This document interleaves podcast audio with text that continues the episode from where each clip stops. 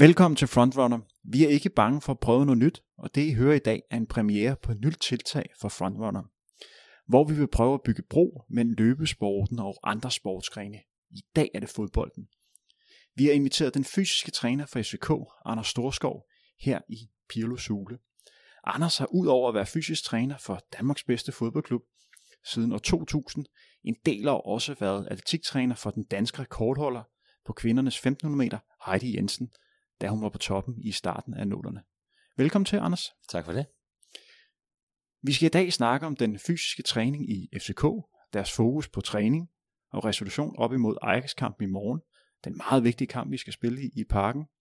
Snakke om sæsonplanlægning, hvordan sikrer man sig en fysisk topform på de rigtige tidspunkter, samt hvordan den fysiske træning har udviklet sig igennem årene. Mit navn er Henrik Thiem, og lad os komme i gang. Anders, hvordan blev du fysisk træner i FCK?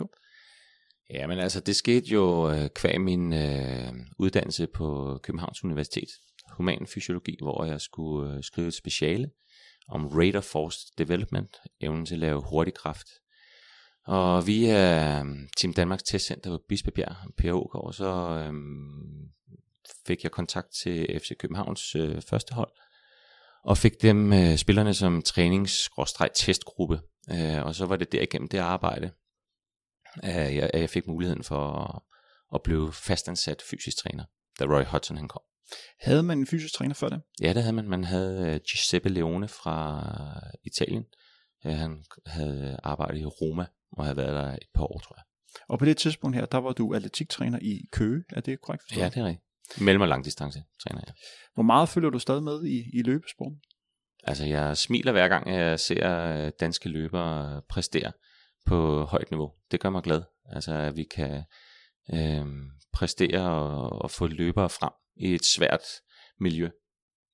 Og det skal jo lige nævnes, at uh, der lige har været EM i atletik i, uh, i Serbien, hvor vi havde en fantastisk weekend for de danske atleter. Ja. Vi havde seks atleter til start, og fire af dem kom i, kom i finalen. Det var helt ekstraordinært for, for Danmark.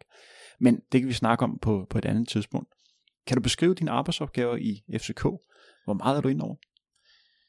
Øh, ja, nogen vil måske mene, at jeg er ind over for meget, men altså jeg, øh, jeg vil jo kalde det en slags controller, øh, daily controller, at sørge for, at, at øh, skibet sejler i den rigtige retning, øh, med den rigtige fart, øh, og at øh, der ikke er for høje bølger, så vi kommer sikkert i havn, altså rammer den rigtige form, øh, når vi skal være der. Hvis man tager udgangspunkt i førsteholdet, hvor mange øh, træner, øh, konsulenter ind over dele elementer hedder, og få spillerne bedst muligt forberedt til at præstere på banen? Jamen altså, vi har jo øh, den alt overskyggende cheftræner, som, øh, som sørger for, at, at holdet, holdets øh, udtryk taktisk på banen er, som FCK skal se ud. Øh, og det er det vigtigste. Så kan man sige, at så er vi en del, som skal sørge for, at, at øh, spillerne er så øh, topfitte og tilgængelige for ham til enhver tid, så at de kan træne og spille så meget sammen, så deres kommunikation og relationer bliver så stærke og gode som muligt.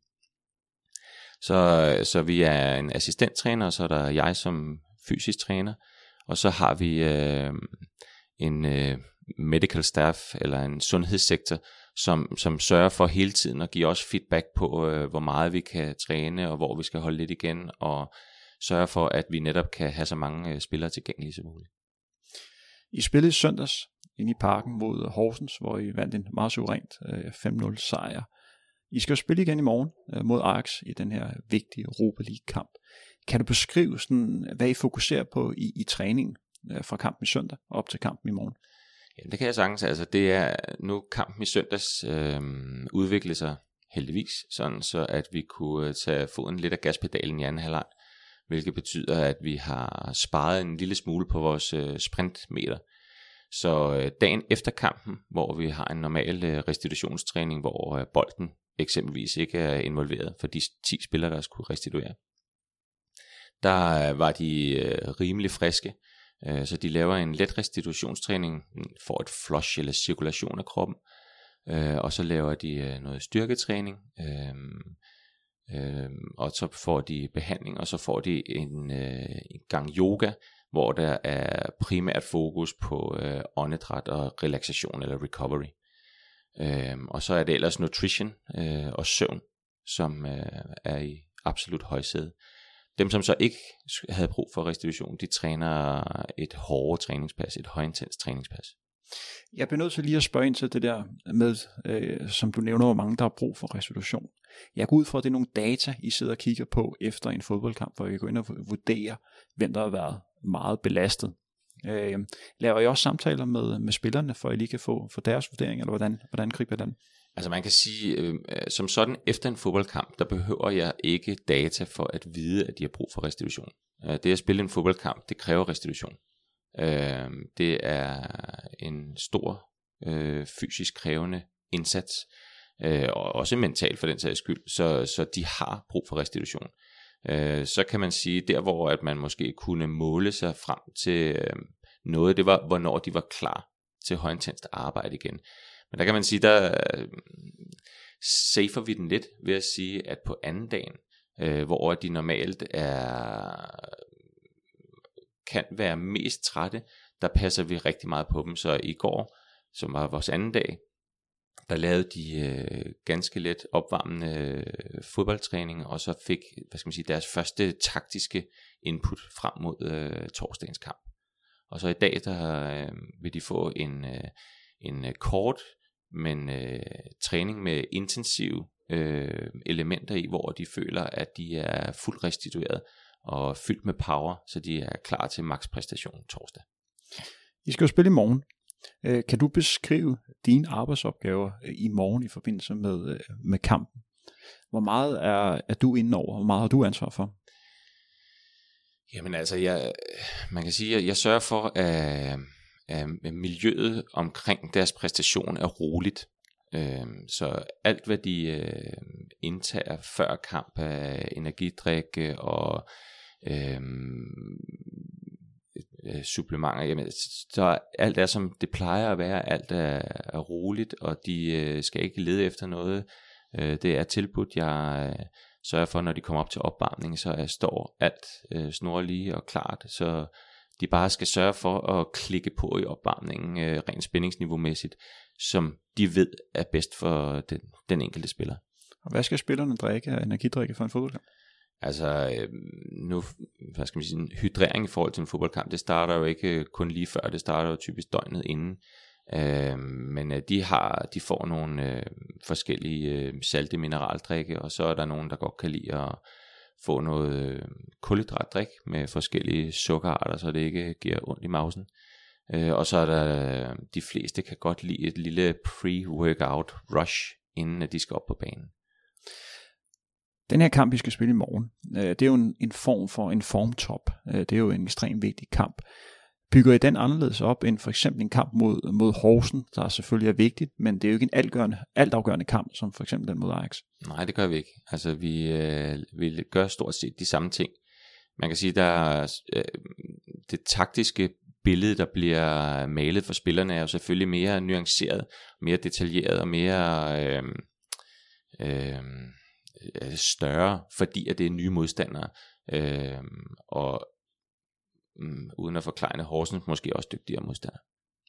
Du har en baggrund som atletiktræner. Som sagt har du trænet Heidi Jensen, da hun var øh, på toppen i starten af nullerne. Kan du beskrive, hvordan du arbejder med hende, og hvor meget inspiration du har taget med over for atletikken? Jamen altså, det er jo sådan en, øh, en helt lang rejse, øh, som egentlig startede, da jeg var seks år i militæret hvor jeg også blev uddannet idrætsinstruktør, hvor at alle skulle lave det samme, og det, man skulle helst kunne udholde træthed i lang tid. Øh, hvor jeg så kom på øh, kom videre og uddannede mig på universitetet og fik Heidi, hvor jeg skulle hvad skal man sige, finde min metode. Øh, og min metode øh, dengang som nu øh, var mere høj intensitet, end det var øh, stor mængde. Så mere kvalitet end kvantitet. Øhm, og det har så øhm, udviklet sig dog inden for, at jeg stadigvæk er, har min kærlighed på høj intensitet. Øhm, men det blev langt mere sådan individuel fokus, fordi vi er så forskellige. Øh, og det var jo noget af det, som Heidis træning lærte mig, at hun var en lidt ældre dame, øh, i forhold til flere unge drenge, som jeg, jeg trænede på det tidspunkt også. Øh, Øh, hvor at det letteste var at have en nogenlunde ens metode, men jeg kunne jo godt se, at der var jo store forskelle. Øh, og det har udviklet sig det individuelle syn, jeg har på træning. Da Heidi var på toppen, der, der, der trænede hun en gang om dagen, hvilken er ekstraordinært for, øh, for en løber på, på høj plan. Der plejer man normalt at have to eller, øh, eller tre træningspas. Var det, var det noget i bevidst valg øh, med Heidi, eller øh, hvordan ser du tilbage på det? Jamen Heidi var jo kommet tilbage efter en pause på syv år, øh, hvor hun havde øh, fået et par børn og været lidt på Roskilde Festival og var begyndte den nye periode som motionist. Så, så det var egentlig et spørgsmål om, at, at hun skulle gøres klar til at træne igen. Og så responderede hun rigtig fint på styrketræning. Øhm, så, så, så det var løbetræning en gang om dagen, men der blev lagt andre elementer ind i hendes træning. Som løber er det rigtig vigtigt, at man har fokus på at løbe ordentligt, have den perfekte øh, løbestil.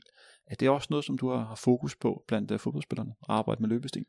Altså det, det brede publikum vil måske sige, at jeg overser Rasmus Falks uh, lidt uh, aparte løbestil, men uh, vi kigger rigtig meget på bevægelse. Altså uh, hvor at man, når man er løber, så handler det meget om en økonomi, fordi man tager så mange skridt, og man skal spare på energien. Øh, hvor at, at øh, når vi kigger på bevægelse i fodbold, så handler det meget om, at man, øh, man ens kraftretning er optimal. Så man stiller fødderne rigtigt, hvis man skal et bestemt sted hen, så man kan producere så stor kraft, at man retter sin led ordentligt ud, så man øh, altså, lader musklerne producere så stor kraft, som de kan, i stedet for at man har øh, øh, begrænsende øh, bevægeudslag. Så hvis du vil komme med nogle eksempler på fodboldspillere, der har den perfekte løbestil som fodboldspiller, hvem skulle du så være? Jamen altså, vi, vi, vi har nogle, øh, nogle he i vores truppe, altså øh, sådan en som øh, Corner, Øh, han øh, bevæger sig øh, meget atletisk og meget som en sprinter øh, med fuld ekstension og meget kraftfuld. Samtidig med så har han øh, stor ildoptagelse. Han er født til at bevæge sig. Der er rigtig mange i atletiksporten, som har baggrund øh, som fodboldspiller. Øh, jeg er jo selv øh, maratonløber, og mange af mine øh, maratonkollegaer, også mig selv, kommer fra fodbolden af, der har startet med, med fodbolden og fundet ud af, at enten kunne man ikke holde til det, eller deres talent var større for at løbe. Det samme er gældende inden for, for sprint. Har du inden for fodboldens verden oplevet nogle fodboldspillere, hvor du tænker, du burde være atlet? Øh, ja, altså, hvis uh, fodboldspillerne er kommet i førsteholdstruppen i FC København, så vil jeg vurdere, at de har ramt rigtigt med deres uh, fysiske talent. Uh, men der er der nogen, hvor jeg tænker, at, at, uh, hvis de havde valgt en anden idrætsgren, så ville de også have været dygtige til det bestemt. Vi sidder jo her i Pirlo Sule, Frontrunner samarbejder med Mediano, så det her spørgsmål, som du får nu, bliver nok et lidt specielt spørgsmål for dig. Men vi har en tradition om, når vi optager det her program her, at vi bliver nødt til at spørge, om hvem de mener, at der er deres svar på, på løbesportens øh, Pirlo. Fordi at du er nu inden for, for fodbolden af, så får du et spørgsmål om, om man har haft nogen i FCK, der minder om den her legendariske fodboldspil. Altså, jeg er jo vild med Pirlo. Det må jeg jo være ærlig og sige. Vi fik jo heldigvis fornøjelsen af at spille mod ham med Juventus her for et par år siden. Men øh, øh det må, der er kun én, det kan være. Det er Christian Poulsen. Øh, ikke fordi han har tilegnet sig fuldskæg ligesom Pirlo nu, men øh, størrelsen og øh, måden at øh, være på vej hele tiden, øh, uden stor fart, Øh, fornærmer jeg ikke Christian, vil jeg sige. Øh, men det må være Christian Poulsen. Christian, der også er en ganske habil løber. Jeg snakkede med ham i forbindelse med Copenhagen Half øh, Marathon sidste år i september måned, hvor han gennemførte de 21,1 km i en tid omkring 1 time og 20 minutter. Det er en ganske god øh, tid som løber, og bestemt som tidligere fodboldspiller. Lad os gå videre i dagens program og have lidt mere fokus på de generelle ting, Hvilken fysisk faktorer er vigtige som fodboldspiller? Uha, altså der er mange, og de er jo oftest også øh, positionelt bestemt. Um, Lad os tage udgangspunkt i, i Christian Poulsen, den her 6 eller 8, der ligger på, på midtbanen. Hvad skal han kunne? Jamen han skal øh, for det første kunne øh, finde ud af at, at orientere sig øh, 360 grader øh, og øh, distribuere boldene med en sikker fod. Øh, men samtidig så skal han kunne øh, hos os øh, accelerere og decelerere i alle retninger gentagende gange i løbet af en kamp, samtidig med at han skal kunne øh, tilbagelægge en distance, der gør, at han, øh, hvad skal man sige, er på hele banen, hvor der er brug for ham. Hvor vigtigt er det at have et godt kondital som, øh, som midtbanespiller, for eksempel den her 6 og 8? Uh, det er ikke specielt vigtigt. Altså, øh, jeg har, vi har fået mål for spillere med kondital mange gange, og øh, jeg har de dygtigste og mest højintenst arbejdende midtbanespillere, vi har haft, har kun haft et kondital omkring 62-63, og os, der har løbet meget, synes jo ikke, at det er voldsomt imponerende. Men det er bare nogle andre faktorer, der er vigtige end kondital. Lad os tage udgangspunkt i det, som du nævner der, det er højintens arbejde. Hvordan udvikler man det? Hvordan har man fokus på det? Jamen altså, øh, hvis du skal lave meget højintenst arbejde i din konkurrence, og nu her fodbold, jamen så bliver du nødt til at træne med højintenst, øh, med øh, høj intensitet. Og hvis du vil sikre, at øh, du skal have meget højintenst øh, arbejde i din træning, så bliver du nødt til at, at sørge for, at øh, øvelserne er til det. Det vil sige, at øh, arealet, øh, antal spillere, øh, arbejdstid, hviletid, sikrer, at man kan have så mange højintense aktioner per minut, som øh, er muligt. Lad os tage udgangspunkt igen i den her øh, sekser øh, på midtbanen, den her Christian Poulsen type. Hvad skal han kunne, som for eksempelvis en forsvarsspiller ikke behøver, eller, eller corner op i angrebet? Jamen det, var, det kom jeg lidt ind på før i forhold til, at øh, hvis man øh, sætter tracking på, nu spiller vi med to sidestillede centrale midtbaner, øh, hvis man sætter tracking på dem, så vil de ikke have særlig stor øh, mængde sprintmeter. Øh, de vil have en øh, distance, der øh, oftest er oppe i den høje ende af vores hold. Det kan være omkring 12,5 km. Øh, men øh, de har mange accelerationer og decelerationer. Øh, de har, øh, har mange dueller, øh, og de er meget på vej hele tiden. Øh, I forhold til corner, som er, han har en del flere sprintmeter, øh, og, lidt, og, og noget mindre distance. Hvilken spiller har du arbejdet med, som har haft unikke fysiske forudsætninger? Har der været nogen igennem, hvor du bare tænkt, wow, ham med, han springer alle de skaler, jeg har set før? Jamen altså, vi, jeg har, nu har jeg jo været der i et stykke tid jo efterhånden, så, så der, er jo, der er jo mange, der sådan, øh, der har øh, trådt i, i karakter. Altså den første, som, hvor jeg tænkte, okay, det her det er unikt, fordi jeg aldrig havde været i nærheden af det, det var Zuma. Men det var fordi, han var en, en fodboldatlet, som var en atlet på en helt anden måde, end det jeg kom fra. Hvor at, øh, det var meget med at løbe lige ud og power, og hvor at, at han var simpelthen en, en bevægelsesatlet. Men så har vi haft øh, altså en, en type som Zdenek Posbæk var en fantastisk fodboldatlet også, der kunne sprinte hele dagen. Øh, Altiba Hutchinson, øh, aldrig skadet, helt tynd, kunne løbe højintenst hele dagen. Øh, nu er der, øh, ja, jeg forklarer jo ikke nogen, altså så, øh, men jeg, jeg er jo ret begejstret for Cornelius eksempelvis. Øh, men jeg er jo også, jeg synes jo også, at sådan en type som, øh, som øh, William Kvist og Thomas Delaney, som, som evner at øh, med forskellige alder, at kunne være højintense og være på beatet hver gang. Jeg glemte at spørge om, øh, da vi snakker om de her fysiske faktorer. Vi har jo også en, der skal stå i mål. Øh, hvad skal han kunne?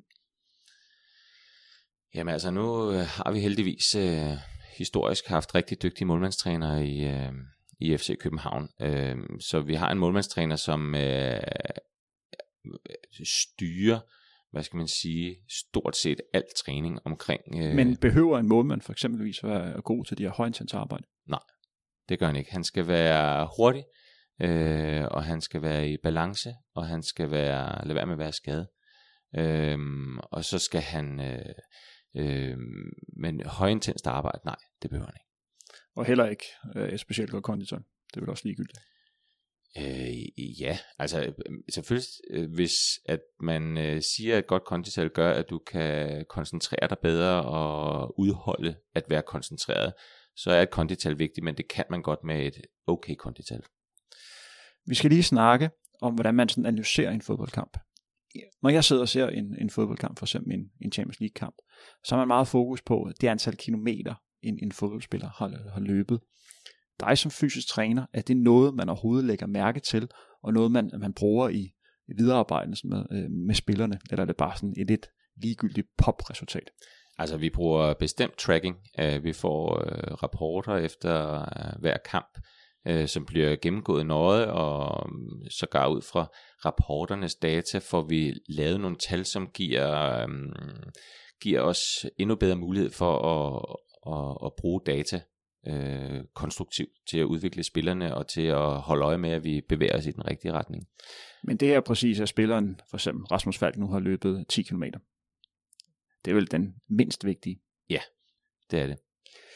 Nu skal vi gå lidt videre, nu skal vi snakke om, hvordan man bygger sådan en, en fodboldsæson op. Vi tager udgangspunkt i, i vintersæsonen.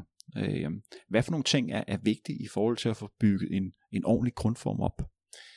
Jamen altså, altså grundform, det er jo, øh, lad os sige, et, et vidt begreb, fordi det, er sådan, at når vi øh, kigger frem mod en øh, vinterpause, så bliver vi nødt til at sige, jamen, øh, hvordan ser forsæsonen ud? Altså fra, at, hvornår starter vi? Vi starter, øh, skal spille øh, Europa-kvalifikation 11. til 13. februar. Lad os tage udgangspunkt i år, ja. hvor I går på vinterpause her, er det 10. december. Mm.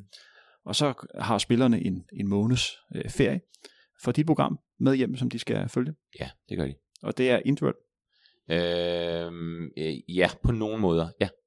Hvor meget her er fokus på styrketræning kontra øh, almindelig konditionstræning? Altså der er med, med tiden at der blevet mere og mere fokus på styrketræning, og det er fordi, at det kan jeg se, at lønner sig bedre med den måde, øh, FCK som øh, hold har udviklet sig i forhold til spilletyper og i forhold til at vi skal spille tidligere og tidligere. Øh, så der er nogle ting som øh, bliver lagt der bliver lagt mere vægt på styrke og at holde øh, sprintmuskulaturen funktionel frem for ildoptagelse og løb. Så man er gået lidt væk fra det, som man øh, tidligere har hørt, det der med, at når fodboldspillere går på, på ferie, så er der lige så gang med at løbe nogle, nogle små rolige ture. Nu er der mere fokus på, øh, ja, øh, på, på andre ting, ja, den her styrkedel. Ja. Og så møder man jo ind her i, jeg tror det var 6. 7. januar, i, i startet træning. Hvordan starter man op? Jamen altså første dag, der starter vi stille op med noget øh, let øh, løb og let teknik, øh, men med bolden så hurtigt som muligt. Men og den første dag, der er alt øh, lavintenst. Øh, jeg vil søge at få dem, hvad skal man sige, alignet eller synkroniseret, så øh, når vi dagen efter øh, begynder at teste og måle, så, så er de på nogenlunde, øh, hvad skal man sige, de her de er synkroniseret, så vi kan reproducere bare de data, vi får, hvis vi tester dem. Der må igennem tiden være nogle spillere, der kommer tilbage fra sådan en ferie, der måske ikke helt har fuldt programmet. Ja, men det er altså mindre og mindre. Altså jeg må sige, at de, i og med, at vi nærmest ikke løber i opstarten, øh, hvis de har forberedt sig ordentligt, så forbereder de sig sjovt nok øh, rigtig fint. Da, det er meget, meget få. Altså det kan godt være, at der er tidligere har været en sydamerikaner, der er kommet lidt for sent og har været en lille smule overvægtig, men øh, så arbejder de lidt hårdere. Så i år så havde I jo øh, tre uger hjemme, inden I tog på, på træningslejr i Dubai. Hvad for nogle ting har du fokus på det? Jamen, jeg har fokus på, at øh, de skal, øh, til at starte med, så skal de have bolden så meget som muligt, øh, og de skal bevæge sig i alle retninger. Øhm, så, så meget af træningen er det, vi kalder multidirectional small-sided games, og det kan være, hvor det er possession-spil, hvor man skal holde bolden i holdet, øhm, men at de træner aerobt, højintenst, øh, på den måde ved at holde bolden øh, på små områder. Øhm, derudover så øh, bygger vi videre på den styrke, de har lavet i ferien, begynder at arbejde hen mod, at det skal blive mere øh, power, øhm, så vi kan få mere og mere fart ind i træningen. Og så øh, undervejs, øh, så bliver de øh, øh, hvad skal man sige, eksponeret mere og mere for sprint, så vi gør dem klar til at kunne sprinte mere og mere. Hvor meget har man fokus i den her periode på at lave styrketræning. Du har også nævnt, at mange spillerne øh, bruger yoga. Er, er, er det noget, som man har specielt fokus på i opbygning, eller er det noget, som man har over hele sæsonen? Altså vi har øh, yoga, og vi har styrke øh, hele sæsonen. Øh, men selvfølgelig er der en lille periodisering i, i styrken i forhold til, at når vi kommer frem mod øh, og skal spille kompetitive kampe, så er det mere vedligeholdelse, end det er opbygning. Øh, men med yogaen, den øh, kører øh, ubegrænset igennem sæsonen, fordi den skal hjælpe øh, til at trække den anden vej. Fodbold, det er højintens, det er eksplosivt, det er taklinger, det er øh, power, og der er altså bare noget, hvor vi gerne vil have, at de skal få trukket vejret rigtigt, og de skal få slappet af, så de restituerer hurtigere. Så tager I til Dubai øh, på træningslejr. Hvad for nogle ting kan I lave anderledes der, end I kan derhjemme? Altså primært så, når vi tager til Dubai, så er de vigtigste træningspas, det er de træningskampe mod gode træningsmodstandere, vi har dernede. Det er det, der er hvad skal man sige, øh, hovedformålet. Det er at gøre spillerne så godt klar til at få det maksimale ud af de træningskampe, for det er det bedste træning, de kan få til at blive klar. Derudover så er der selvfølgelig øh, klimaet, der gør, at man kan begynde at, at nørde lidt flere detaljer med dødbold øh, og så videre, så videre, frem for at stå i frostvejr på Frederiksberg. I kan vel også have mere fokus på højintens arbejde. Der er vel mindre skadesrisiko, når det er temperaturer på 20 øh, plus, end der hvis det var 2-3 grader. Ja, altså ja, hvis, når, hvis der er 25 grader, så, så er der bare nogle andre ting, du skal tænke over. Når du skal lave højintens arbejde, så skal pauserne måske være 10 sekunder længere, end de er, når det er plus 2 grader i Danmark. Så, så øhm, øvelsesvalget er nogenlunde det samme. Øh, eftersom de har trænet tre uger, inden de kommer til Dubai, kan de tåle en lille smule mere, og så skal man lave nogle små justeringer i forhold til klimaet, hvor varmt det er. Der er jo mange, som sidder og hører det program her, som garanteret har en forestilling om, at når man tager på træningslejr, så træner man markant mere, end man, man gør derhjemme. Jeg har en forestilling om, at I træner nogenlunde det samme. Er det ikke korrekt? Det er jo ikke sådan, at I skruer træningsmængden op til det dobbelte, eller øh, det tredobbelte. Nej, altså det er korrekt. Vi, vi, vi skruer ikke op. Øhm, vi, øh, som sagt, så prioriterer vi øh, træningskampene, sørger for, at de bliver klar der. Og, og det er jo, hvad skal man sige, det træningsstimulus, der bliver skruet op. Det er jo de øh, fra 45 til 90 minutters storbane kompetitiv øh, træning, som, som bliver skruet op. Øh, så vi begynder ikke at træne meget mere, nej, det gør vi ikke. Nu kommer jeg hjem fra Dubai. Øh, jeg har igennem min karriere været meget på træningslejr, og ved, at det kan være svært at komme fra for eksempel 25 grader, og så komme hjem og skulle præstere i, i kulde. Er det noget, øh, som er noget, man tænker over, øh, for eksempel øh, i FCK? Jamen, vi, vi tænker da over det. Øh, forstået på den måde, at vi til hver en tid prøver at, at tilbyde de bedste træningsfaciliteter til spillerne. Øh, så vi sørger for, at vi inden vi tog til Dubai, der havde vi trænet på øh, inde i parken, så vores træningsbane på træningsanlægget kunne være så god som muligt, når vi kom tilbage til, øh, til Frederiksberg og træne. Øh, og så sørger vi for, at øh, de er ordentligt restitueret, når vi starter op igen i kulden. Øh, men vi forventer altså sådan set, at hver gang, at der er et træningspas, så er det med højst mulig øh, kvalitet. Så det er ikke sådan, at vi har justeret mange ting. Men det er sådan lidt spurgt ind til. Så er det ikke sådan, man, man tænker på, okay, nu skal man lade være med at tage ned i 25 grader, fordi den næste kamp, øh, vi skal spille, det kommer til at foregå i Bulgarien, hvor der er de her 2-3 grader. Nej, det gør man ikke. Altså, fordi vi, det er vigtigt for os at få så dygtig og god øh, træningsmodstand øh, til at forberede os til eksempelvis øh, Ludogorets kamp i Bulgarien. Nu er sæsonen i gang. Hvordan holder man form øh, ved lige? Øh, det er jo en, en lang forårssæson, I har. Hvordan sikrer man sig hele tiden, man er øh, på toppen af sin ydeevne? Jamen altså, i, i bund og grund, så øh, hvis man spiller sine øh, kampe, så er det et øh, rigtig, rigtig fint stimulus. Jeg tror, at de langt fleste fodboldspillere vil rigtig gerne spille øh, hver fjerde dag, hvis de kunne komme afsted med det. Øh, og det kan langt hen ad vejen holde deres øh, fodboldform på et højt, højt niveau, hvor, hvor at det så primært er restitutionen, der skal sikre, at de kan gøre det repetitivt, altså gentagende gange. Øh, men dem, som ikke spiller så mange kampe, der øh, tilstræber vi at, at finde kampe her. Det kan være reserveholdskampe, øh, øh, rotationer, så de får deres kampe. Men ellers så vil man øh, lave øh, højintense træningspas, der skal der skal træne en del af det at være i fodboldform. Hvor meget er det jeres træners ansvar øh, for, at spillerne ikke går ind i de her overbelastningsskader, fordi de simpelthen kommer til at spille for, for mange kampe og for lidt restitution. Hvor meget er det der jeres ansvar, hvor meget er spillernes selv ansvar, sådan at sige, prøv at høre, jeg er træt, jeg har brug for lidt pause? Altså, øh, øh, spillerne er jo blevet mere bevidste og dygtigere til at, at, at give udtryk for, hvis der er noget, men, men den øh, kommunikation og det samarbejde, der er mellem træner og, og sundhedssektor, det er så præcist, så vi øh, opfanger øh, alle de ting, vi skal. Øh, før i tiden, så kunne der godt være nogen, der ikke sagde, øh, hvis de kunne mærke noget, men den måde, at vores øh, dagligdag er opbygget med, at spillerne kommer ind, og de skal lave øh, forbi øh, behandlerne, de skal ned og lave pre-activation, de skal igennem forskellige ting i opvarmning, så, så hvad skal man sige, det bliver opfanget, hvis der er noget, der ikke er, som det skal være.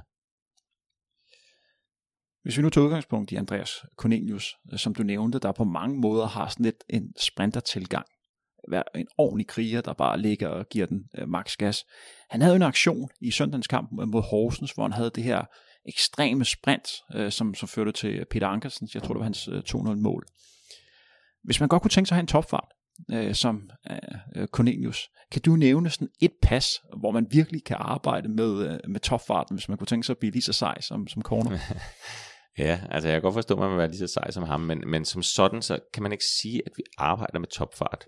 Øh, dog arbejder vi med top, topfart på den måde, at hvis man laver, hvis Corner lavede en 30 meter flyvende test, så vil han have, have en, en tid, en topfart.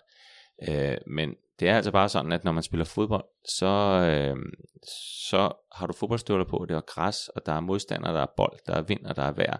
Øh, så det, der er vigtigt for mig som fysisk træner, det er, at Cornelius kan komme så tæt på sit potentiale af topfarten, så mange gange som muligt i en kamp. Øhm, og det gør vi ved, at øh, i stedet for speed træning eller topfartstræning, så er det mere en form for speed exposure, altså hvor at vi sørger for, at i træningen, at de kommer op og rammer maksfart. Fordi hvis man ikke og, og det gør vi ved isoleret øh, topfartsøvelser. Det kan være 4x20 meter, 2x40, 1x60 meter, hvor de skal løbe symmetrisk, og de skal give den fuld gas. Og på den måde så sikrer man, at de har tillid til, at de kan.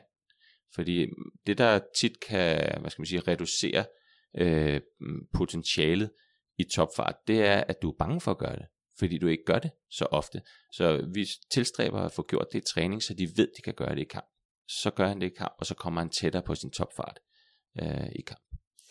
Hvis alle FCK-spillerne blev sat over for hinanden og skulle løbe en 100 meter, ville det så corner, der ville vinde? Jeg kommer nok op og hænge, hvis jeg... Ja, det, det vil nok være mit bedste bud. Det tror jeg, det vil. Lad os kigge lidt frem til, til kampen i morgen og have fokus på, hvordan man øh, varmer op øh, til kampen. Hvornår møder man ind i, i parken, og hvornår starter øh, selve, øh, hvad kan man sige, den fysiske opvarmning øh, til fodboldkamp? Altså, de møder normalt op øh, omkring halvanden time før kampstart. Øh, og så kommer de op på banen øh, 37 minutter før kampstart. Øh, har man et, et specifikt program, man skal lave der? Det er det, det samme, som der går igen for, for kamp til kamp? Eller det, er det, det, det er det samme. Og, øh, nu har jeg jo været, haft fingrene i det i lang tid, og jeg tror, vi har lavet det samme opvejningsprogram stort set i, i 10 år. Men altså hver opstart øh, hører jeg spillerne, om der er noget, der skal justeres. Øh, men de er fortrolige med det, og de føler, at det er, som de gerne vil have det. Øh, så har jeg ikke noget problem med, at, at det ikke ændres. Øh, så 37 minutter før kampstart kommer de op, og så har de noget tid for sig selv, og så laver vi noget sammen, øh, hvor der er involveret nogle, øh, noget bevægelighed og noget løb og nogle øh, to perioder possession-spil og noget sprint. Så får de noget tid for sig selv igen, og så er der nogle øh, afslutninger, hvis de vil, og så til sidst er der nogle øh, max accelerationer, og så går de ind efter 23 minutters opvarmning. Hvad med de spillere, øh, som starter ude? Hvordan træner de op? Er det på samme måde? Nej, ikke helt. Øh, vi kan naturlig grunden ikke give dem øh, de to perioders possession-spil, øh, men øh, de skal tilstræbe, altså for det første, der er jo stor forskel på, hvad den enkelte spiller har brug for i forhold til at komme på banen som udskiftningsspiller. Men generelt set, så skal de have, have kørt deres øh, intensitet op på 85-88% af deres max. Og så skal de have lavet retningsskift, de skal have lavet accelerationer, øhm, og inden de kommer til den øh, hvad skal man sige, opvarmningsfase, der skal de være preaktiveret, så de ved, at deres krop den fungerer, så de ikke lige pludselig øh, opdager, at de ikke fungerer, når de skal i gang med opvarmning. Nu er kampen i gang, og øh, man kan fornemme, at der er måske en spiller, der bøvler lidt med, med baglåret og muligvis skal, skal skiftes ud. Så er der nogle spillere, der bliver øh, sendt i gang med at varme op. Har de program, som de skal følge, for muligvis at øh, komme ind, eller er det sådan lidt op til dem selv? Øh, det er nok, det er primært op til dem selv. Altså de ved godt, hvad de skal gøre for at, at føle sig klar for at kunne præstere bedst for dem selv, men også at hjælpe holdet bedst, når de kommer ind. Så de er meget bevidste om, hvad de skal gøre for at komme på banen. Nu skal vi lidt have fokus på restitution, og tage udgangspunkt i, at øh, kampen er overstået. I har vundet 3-0, og alle er glade. Så skal I spille kamp igen. Øh, jeg mener det mod Esbjerg øh, på, på søndag inde i parken. Hvor hurtigt er fokus på restitution? Jamen det er den jo lige efter. Altså øhm, eksempelvis da jeg sagde, at det afsluttende mod Horsens var fint, fordi at vi ikke behøvede at arbejde så hårdt, så det, det sprint, man laver i de sidste 10 minutter af en fodboldkamp, de har impact, hvis du skal spille tre dage efter allerede igen. Så derfor var jeg glad for, at kampen øh, var ikke så intensiv til sidst. Øh, så må vi se, hvordan kampen i morgen er. Men, men lige så snart at kampen bliver fløjt af, så, øh, så får de faktisk en drik, der er blevet mixet øh, specielt til at starte deres restitution så hurtigt og så effektivt som muligt. Får alle det samme at drikke, eller er det for forskelligt fra person til person? De får det samme at drikke øh, som den første drik. Så er det for, lidt forskelligt, når de kommer ned i omklædningsrummet. Kan du fortælle, hvad sådan en drik indeholder? Jamen altså, der er forskellige øh, proteintyper, der er noget kreatin, og der er kulhydrater, og der er noget øh, salt og mineraler. Der er som sådan ikke noget hokus pokus i det andet, end det smager rigtig godt, og det er koldt, og der er masser af gode ting i. Går man ud efter en, en fodboldkamp lige og, og løber af, det vil man typisk gøre, i, hvis man er i konkurrence i løb, at man lige bruger et par kilometer til lige at stille og roligt lige at komme af med, med mælkesyren. Gør man det som fodboldspiller? Øh, nogen gør. Øh, men der, der er igen en del variationer i, hvad, hvad der er behov for for den enkelte type. Øh, men der, der er en del, der gør det, ja, men typisk så kan det også lige så godt bare være at gå øh, og sørge for, at hvad skal man sige, bevægeligheden hen over lænderyg, ryg, øh, hofte er, hvad skal man sige, er åben, så man sikrer, at hoftebøjerne begynder at slappe af, og diafragma er, er i kontrol, og så man har et godt flow og flush i kroppen så hurtigt som muligt. Men det kan man også godt gøre nede i omklædningsrummet, og det er der nogle af dem, der, der vælger at gøre. Så har der koldt vand og varmt vand, flush nede i omklædningsrummet også. Og så har I jo de her tre dage, før I skal, skal spille igen. Øh, jeg kan huske som løber, at det er anden dagen, øh, så, som er meget problematisk. Det er som regel der, hvor man kan, kan mærke trætheden, og virkelig kan mærke, at man har været i aktion øh, to dage øh, før. Og først der får man i princippet svar på, om man har belastet kroppen mere, end man egentlig øh, var i stand til. Er det det samme som, som fodboldspiller? Øh, for nogen kan det sagtens være. Altså igen, så positionelt, så øh, bliver der stillet forskellige krav. Øh, en, en midterforsvar som Sanka, han øh, kommer sjældent til grænsen, øh, fordi han er rigtig dygtig til at positionere sig, og han er en, en øh, god atlet. Øh, hvor der er en, en kantspiller som øh, Rasmus Falk, øh, er utrolig højintens, øh, og kan, kan godt føle, at han er mere træt, specielt på anden dagen. Men hvis man for eksempel spiller torsdag og søndag, så anden dagen, det er altså bare der, hvor du har dagen før kamptræning. Og der gør vi meget ud af at sørge for, at de kommer igennem alle gear, så de føler, at de, har, at de kan sprinte, de kan sparke, de kan bevæge sig, at, at kroppen ikke syr hurtigt til, og at der er fuld power. Øh, så der er sådan nogle, øh, efter træningen på banen, laver de sådan nogle øvelser, hvor øh, at vi kan se, at de kan lave fuld power. Jeg glemte lige at spørge ind til øh, i, i fodboldkampen. Der har jo en pause øh, på et kvarter. Øh, langt de fleste går ned i omklædningsrummet, lige sidder og snakker tingene igennem, om måske få et eller andet øh, koldt at drikke, og lige blive, blive øh, klar til at skulle op og, og præstere. Nogle fodboldhold ser man komme ud på banen et par minutter før øh, anden halvleg bliver skudt i gang, for lige at varme ekstra op. Hvad er din holdning til det? Jeg ved, at der findes en forskning, som Jens Bangsbo lavede i, jeg tror det er 15 år siden, hvor han kom frem til, at man havde en, en effekt ved at, at lige at varme lidt op, øh, før anden halvleg startede. Hvad er din holdning til det? Jamen altså, hvis du ser rent fysiologisk på det, så tror jeg at også, der er en, øh, en øh, effekt i at holde muskeltemperaturen høj, øh, som den var i første halvleg, og at man sørger for, at, at krop og psyke at bliver klar til kamp igen. Øh, men der, jeg, jeg tror, at, at der er flere måder at gøre det på, og, og vi øh, vurderer, at det at komme ned og få, øh, få ro på, få stresset ned, øh, og at man får de gode informationer, øh, taktiske øh, justeringer, øh, man får øh, fyldt på med væske, man får noget kulhydrat, at man, øh, hvad skal man sige, bliver enige om den retning, man skal igen, og så at hver enkelt laver de bitte små ting, der skal til for, at de bliver klar til kamp igen. Fordi muskeltemperaturen falder jo ikke meget.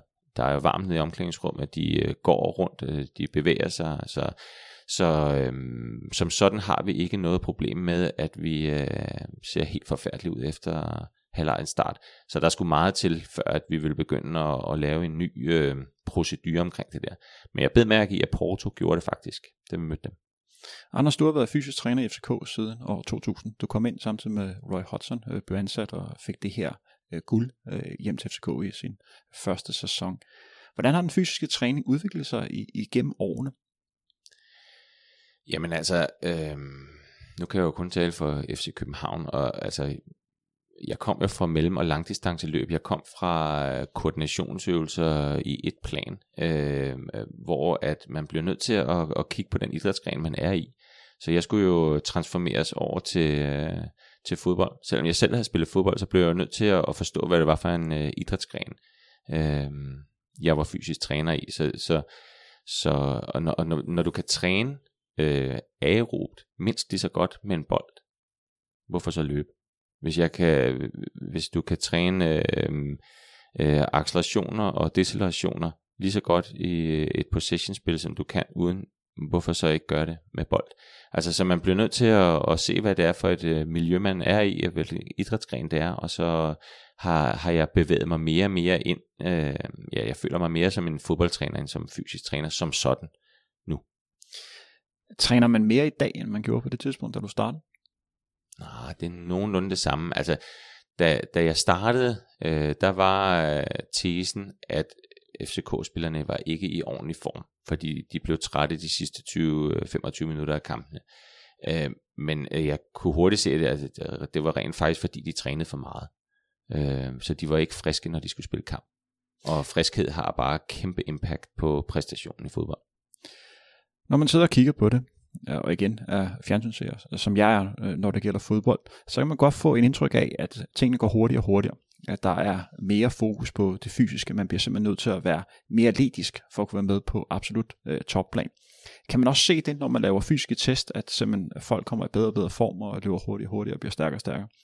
Jamen altså, man, det, det er helt rigtigt set. Altså, øh, der er masser af forskning, der viser, at, at der bliver sprintet meget mere. Der er langt mere højintenst øh, arbejde i en fodboldkamp nu, end der var for bare 7, 8, 10 år siden.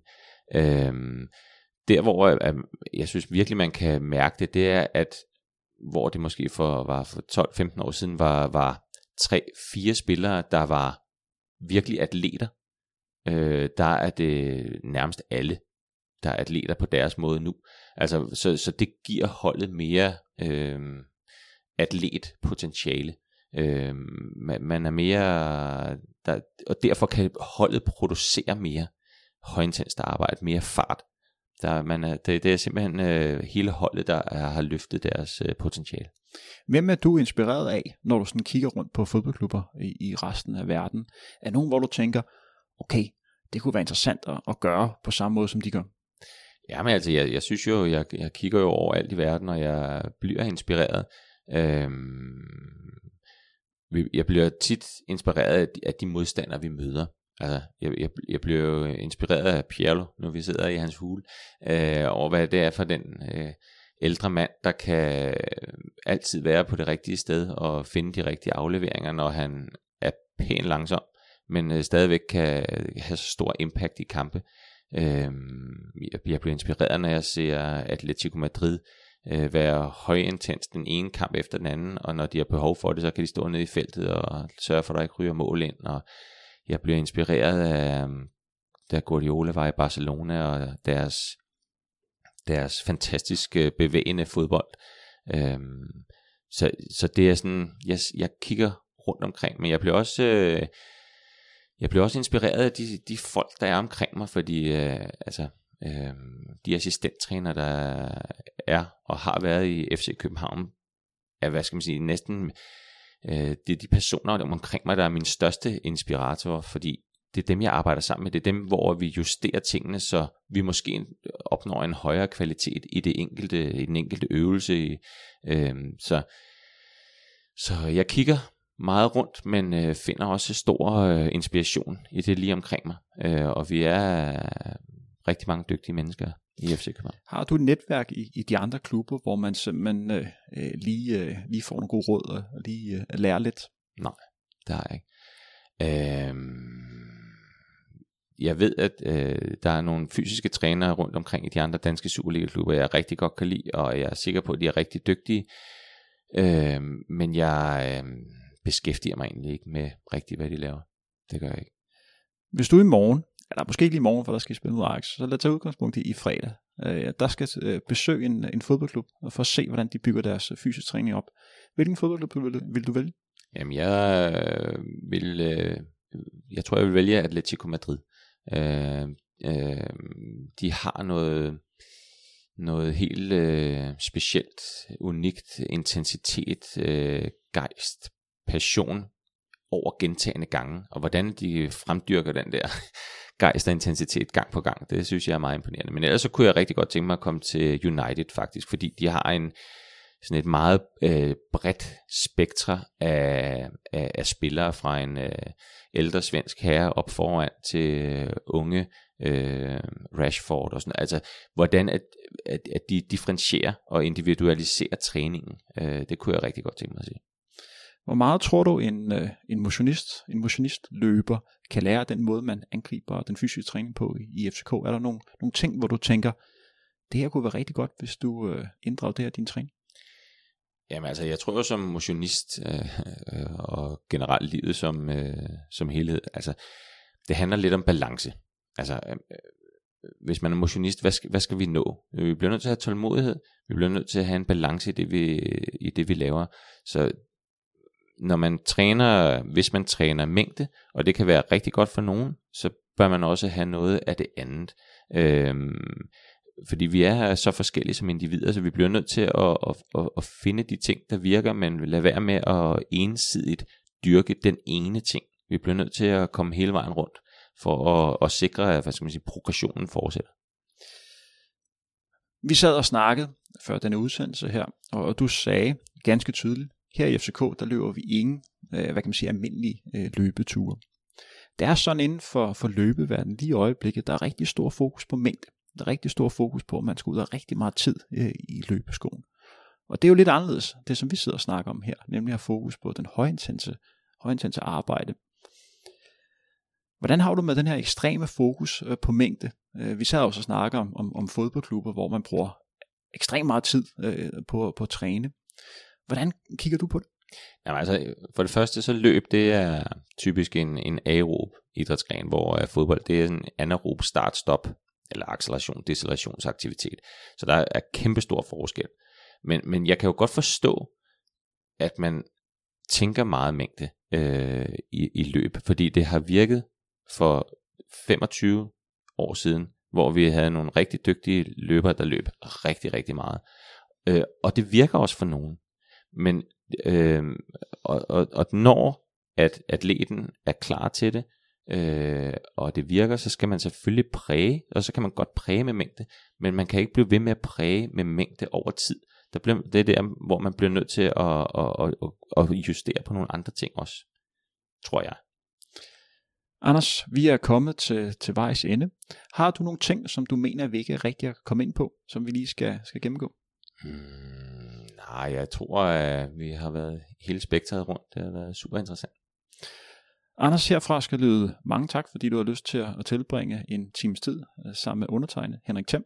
Øh, vi har Daniel Sigler øh, i teknikken, og held og lykke i morgen. Jeg håber, det bliver en rigtig god kamp i, i parken, og endnu en gang tak, fordi du har lyst til at, at møde op her. Og tak til jer, som, der, som du lyttede med til den her udsendelse her.